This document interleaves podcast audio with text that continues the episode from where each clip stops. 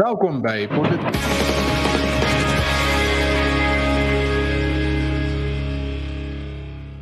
Goeiemôre. Ek weet nie of julle die donder weer hier agter my kan hoor nie, maar ek is Erns van Sail en saam met my atoe is Daniel Elof en hier's 'n storm besig om uh, hier oor uh, Pretoria te beweeg.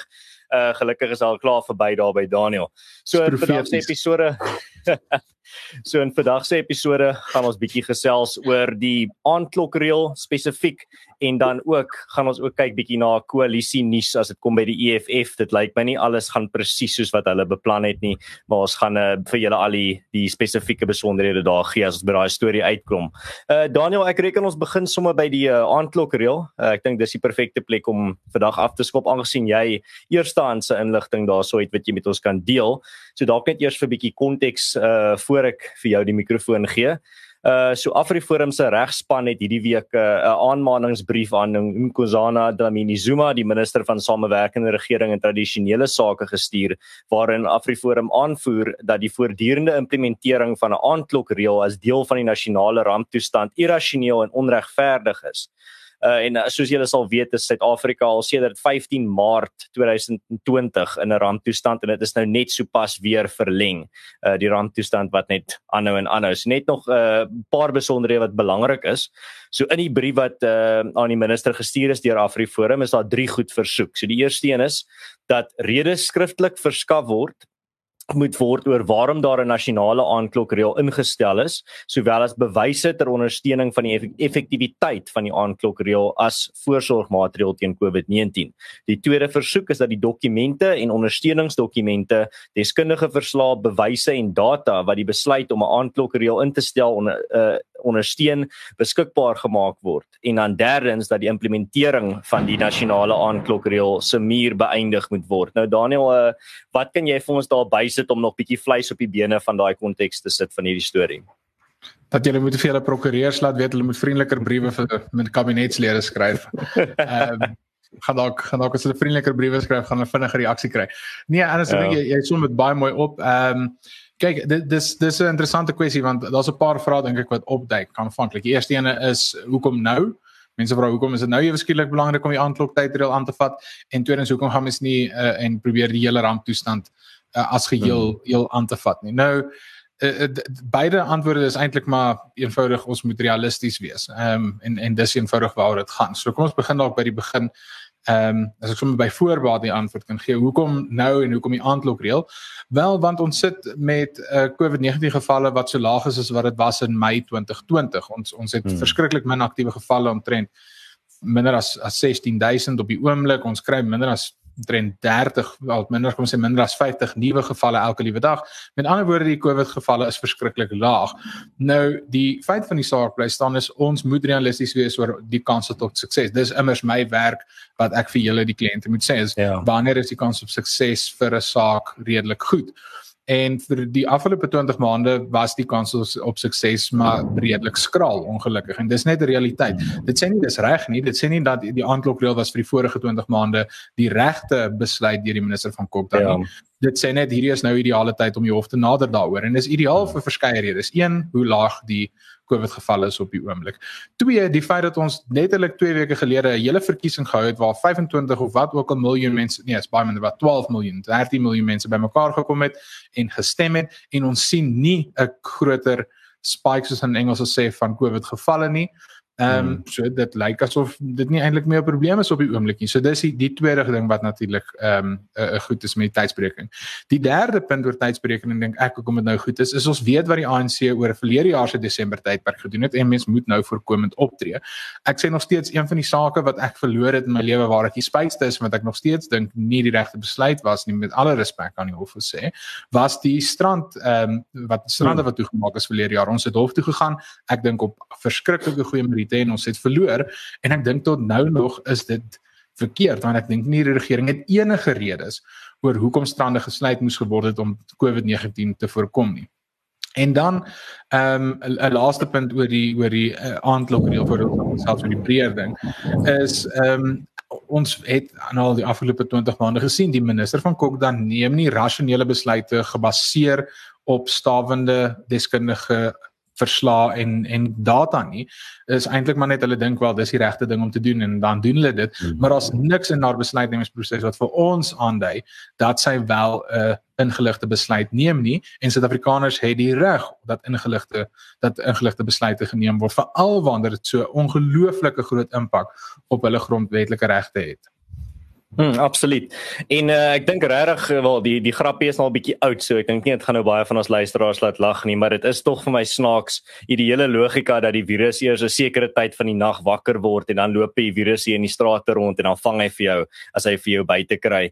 Maar regtig nee, die die aanklokreël ek wel, uh, ek was nou ek het 'n onderhoud gedoen met uh, Chris Wyatt op sy kanaal, die Amerikaanse YouTuber uh, hierdie week waar hy ook nou gevra het oor hierdie veld tog en hy sê toe ook wel hy is seker ons gaan definitief hof toe gaan. Hy het hy het gedink wel die ANC gaan definitief nie antwoord nie. En ek stem nogal saam met hom want ek is ek sal baie geld daarop wet dat daar is nie enige uh, wetenskaplike bewyse wat hulle na gekyk het voor hulle hierdie aanklokreël ingebring het nie. Ek dink nie hulle het enige basis vir dit nie en ek dink nie hulle gaan dit na vore kan bring nou dat ons vir hulle gevra het nie. So uh, my gevoel is ook dat ons dalk in uh, vroeë Desember, dalk middel Desember in die hof gaan wees oor dit want spesifiek vir die rede dat die ANC het nie al wil hulle het hulle nie 'n antwoord op hierdie vrae nie want ek sien nêrens ek het nou alself ook gaan kyk ek sien nêrens enige wetenskaplike basis vir die aanklokreël nie. Daar's so 'n paar regtig as jy nou 'n bietjie die die logika rek kan jy nou seker ek wil hier kan 'n verskoning vir enigiets uitdink. Maar as dit kom by hierdie is daar dit is regtig nie 'n beleid wat uh, op 'n soliede fondasie is nie is op 'n fondasie van sand gebou. En uh, ek dink ons het 'n baie sterk saak hierso met hierdie want jy kan sien uh, daar's baie sterk publieke ondersteuning ook agter Afriforum ek kan vir jou sê die uh, reaksie wat ons gekry het toe ons nou hierdie veld tog aangekondig het was baie groot. Die publiek is regtig kwaad vir die wel vir die hele ramptoestand maar meeste van ons lede en mense wat ge, uh, geantwoord het op of wat ge uh, reageer het op daardie aankondiging verstaan ook dat daar was al voorheen 'n uh, hofsaake teen deur ander organisasies teen die ramptoestand wat misluk het. So nou gaan ons eerder hierdie uh, strategie vat van kom ons vat dit een uh, irrasionele beleid op 'n slag en die uh, aanklokreël is definitief 'n goeie plek om te begin wat al klaar 'n groot baksteen of 'n hoeksteen uit die fondasie van die ramptoestand gaan wees as ons dit kan loskry en verwyder. Nou wat my ook hierso uitstaan is dat as ons suksesvol hier kan wees, kan dit ook as 'n uh, 'n voorbeeld uh, wees vir ander lande waar daar ook aanklokreëls ingestel is. Mense kan dan na hierdie hofsaak ook verwys en sê maar kyk in Suid-Afrika het hulle dit aangevat en ons het mos nou die die beste grondwet in die wêreld, so dit gaan 'n uh, bietjie stawing gee aan dat uh, hierdie is 'n skending van mense se regte en ek ek stem 100% met jou saam daarso dat uh hierdie is definitief die regte beleid om aan te vat want dit is een van die mees belaglikste dele van die uh, ramptoestand uh, beleide al is daar 'n klop ander wat ook maar nog uh, nogal kompeteer vir nommer 1.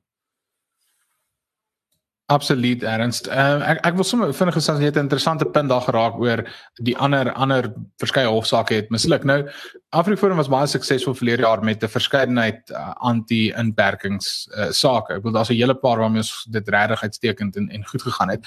Maar ek dink dit is omdat Afriforum se strategie verskriklik slim was, al moet ek nou self so sê, is is ons het losgetorring aan hierdie regulasies en nie die hele ding die die groot monster aangevat het nie. Die sake byvoorbeeld ehm um, die die Liberty Fighters Network se saak wat die hele ding probeer aanvat het wat nog steeds tot vandag toe nog glo nee maar hulle het 'n bevel gekry wat die hele toestand toestand uh um nietig gemaak het. Die feit van die saak bestaan prakties is dit nie nietig nie en is nog steeds op die boeke en en hulle was nie suksesvol toe by onder in die appel of nie. Ja. Ehm um, en en en Afriforum se strategie is ook kom van jare se ervaring. Hier is nie die eerste keer wat hmm. Afriforum dit tegeer teen drakoniese regeringsmaatreëls nie. Dis nou net uh, daar's aansienlik meer want dit is in COVID tyd, maar uh, Afriforum doen dit nou al vir amper 2 dekades. So dit dit kom eenvoudig uit ervaring uit ehm um, dat ons hierdie benadering volg en ek ek ek gebruik altyd die voorbeeld van jy moet los torring en dis presies wat mense hier doen is jy torring los aan hierdie hele hmm. groot monster en as jy eers daai klein stukkie garing het en jy torring genoeg dan gaan jy op die ouende die hele ding uh, uh, kan kan aanvat. Uh, so dis dis die een punt wat ek wil maak. Die tweede ding wat mense moet onthou van howe en ek dink ons mense vergeet dit veral uh uh die die gewone man op straat wat nie noodwendig elke dag aan die hof sit nie. Kom ek skets net vir julle prakties die prentjie wat gebeur as ons hof toe gaan oor enige vraagstuk. Veral wanneer dit kom by regeringsbesluite. Jy gaan na die hof toe. Daar sit een persoon daar voor jou. Een persoon. Jy het 'n teenkant met 'n advokaat en jy het die die applikante wat gewoonlik dan nou ons is met met ons regspan. Met ander woorde dis 'n handjievol mense daar in 'n vertrek in Pretoria of in Johannesburg of waar ook al mens in die hof daai keer is. En jy vra vir daai een persoon wat op die regsbank sit om 'n hele regeringsbesluit om ver te werk. Dit is nie net sommer van oog vinnig die bewyse word gegee en die regter besluit ag ja, ek hoor dit dit ja, is reg, ons vat ons vat die regulasie weg nie. 'n Regter is skien versigtig om demokratiese besluite of ten minste wat hulle glo demokratiese besluite uh, tersyde te stel, want daar bestaan die konsep van skeiding van magte. Die howe moenie intree op die die werk van die die uitvoerende gesag of die wetgewer nie. So uh, hmm. daar is daai huiwerigheid van die hof se kant af om daai uh, skerm van magte duidelik te hou. Nou waar dit ooglopend irrasioneel is en waar dit ooglopend ongrondwettig is, dis wanneer die howe ingryp. En dis ons werk as prokureurs is om vir daai regter dan nou dit so duidelik te wys dat dit is irrasioneel, dit is onredelik, dit is ongrondwettig dat die regter gemaklik voel om te besluit om man of vrou alleen 'n hele stel stukke wetgewing wat die hele land hmm. regeer op die ouene tersyde te stel. So dit ek ek hoor baie mense wat sê hulle sal my Twitter boodskappe stuur en hulle sê nee man Daniel, hier is die bewyse, dis maklik man. Dis maklik. Gaan net hof toe die die die regter gaan vir jou luister. ja, ja, julle julle julle vat nie genoeg aan nie. Julle moet die hele ja. die hele ding aanvat sommer. Ja, presies. En uh, uh, op 'n punt moet moet mens waardeer dat uh, hierdie is my werk, soos wat veldtogte jou hmm. werk is en en soos wat om om 'n aktiewe burgerregorganisasie te bou in mm. Suid-Afrika mm. jou werk is en soos wat ander mense se werke eh, wat ook al hulle doen, hulle werk is. My werk is om realisties sukses in die hof te probeer haal en hierdie is die realistiese benadering wat gevolg moet word. Mm.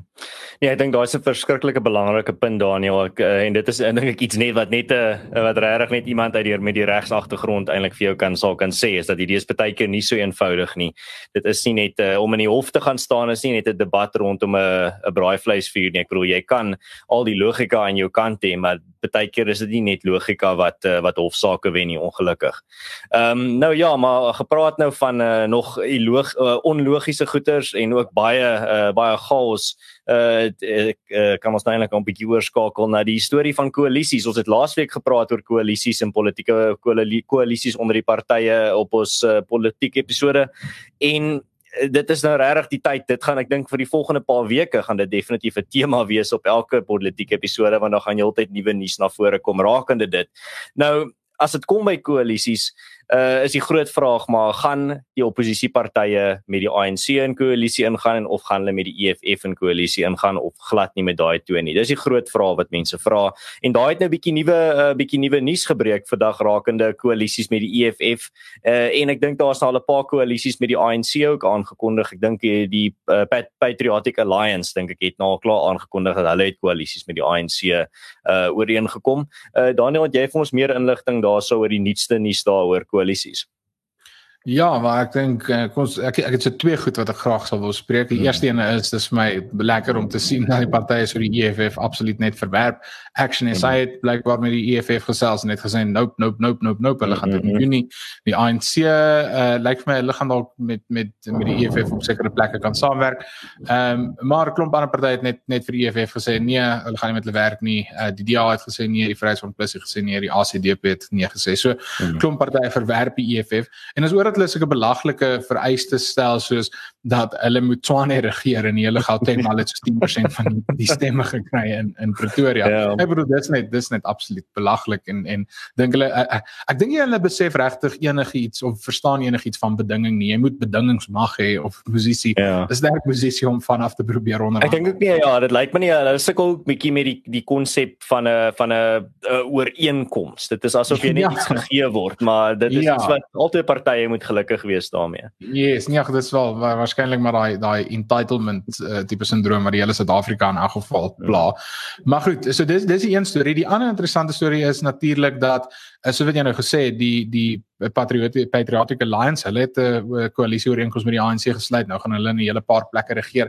Hulle het ek dink een of twee burgemeester poste gekry onder burgemeester poste, speakers en sekere van die van die wetgewers ag van die van die ehm um, die die rade munisipale rade mm, mm. Uh, hulle het nog eintlik heel goed vir hulle self gedoen met vanuit hulle bedingingsposisie die IFP het vandag 'n ooreenkoms gesluit met die met die ANC om in verskeie van hierdie ehm um, munisipaliteite waar dit uh, soos hulle in Engels sal sê hang municipality is as 21 in mm. KwaZulu-Natal hulle het 'n ooreenkoms bereik met met die ANC daaroor. So die koalisies is nou so half besig om om te vorm.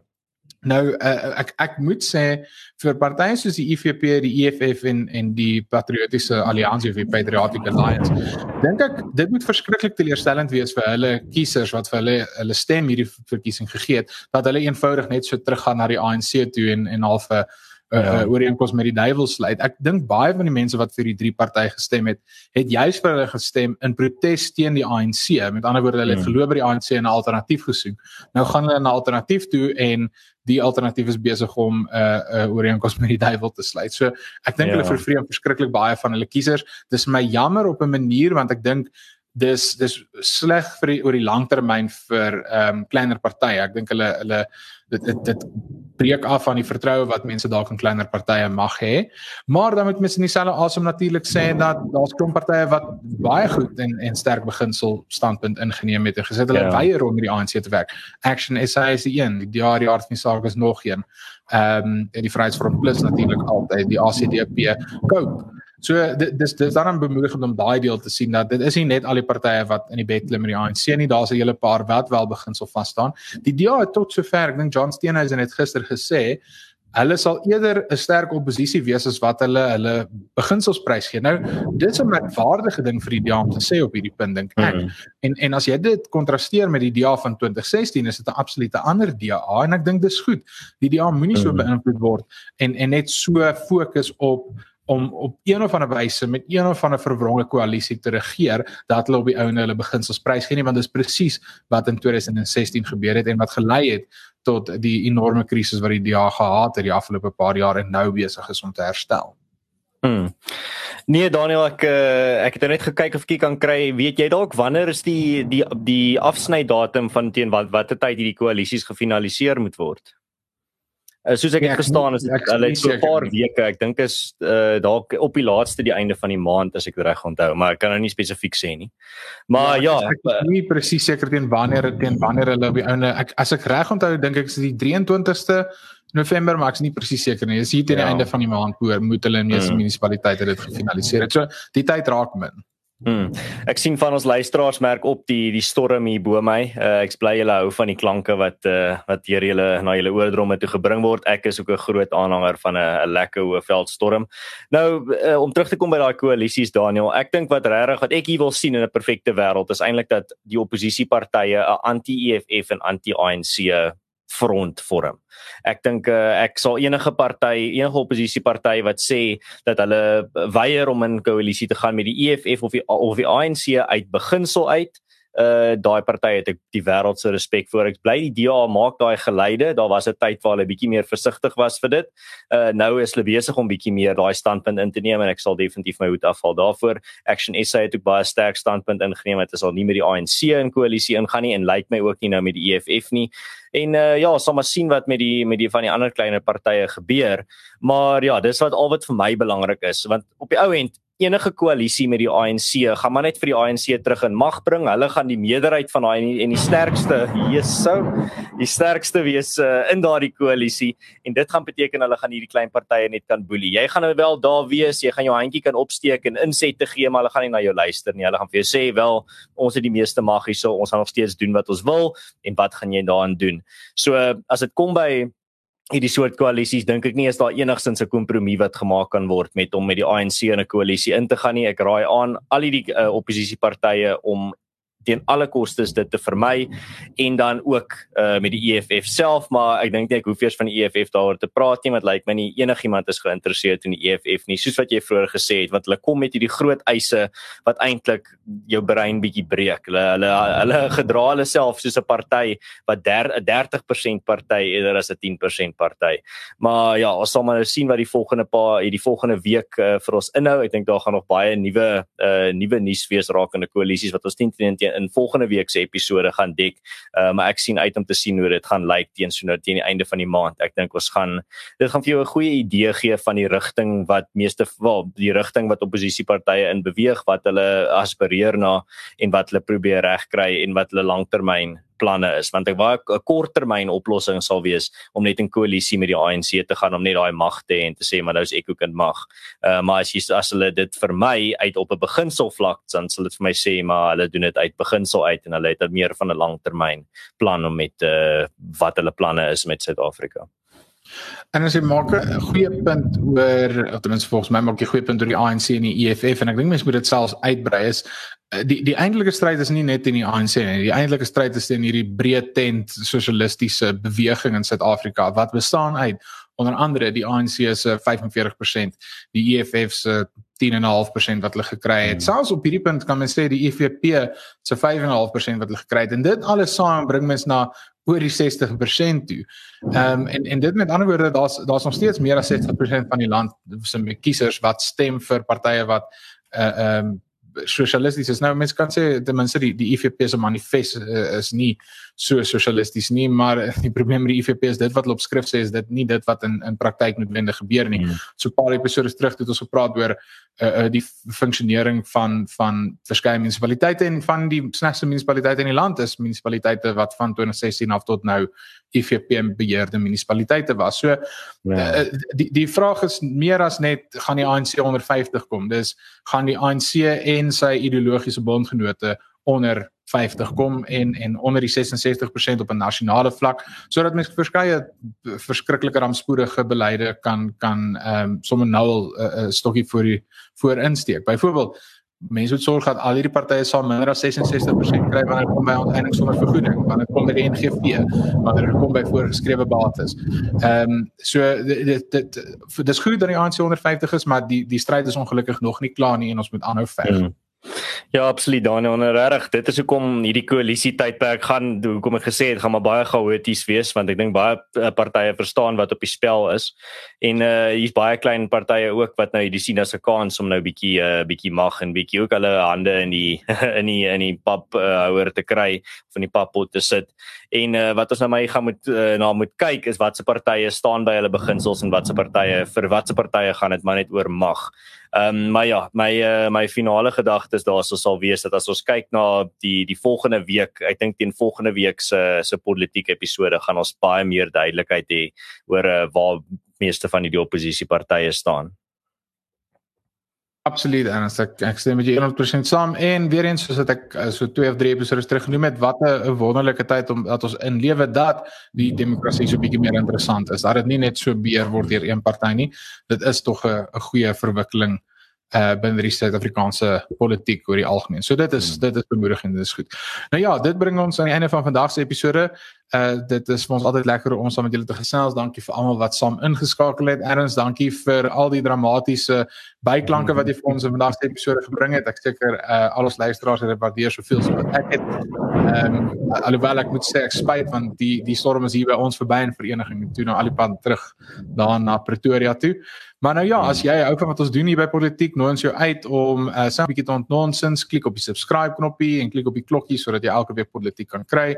Jy kan ook natuurlik vir ons resensie los met jou klagtes en gedagtes en onthou om hierdie gesprek verder te ontnonsens op ons Telegram groep of op YouTube waar ook al jy op podsending luister uh met die kommentaar afdeling sodat ons ook lekker verder kan gesels. Ons waardeer elke luisteraar wat inskakel en elkeen wat ook na die episode saamgesels. Dan sien ons julle volgende week.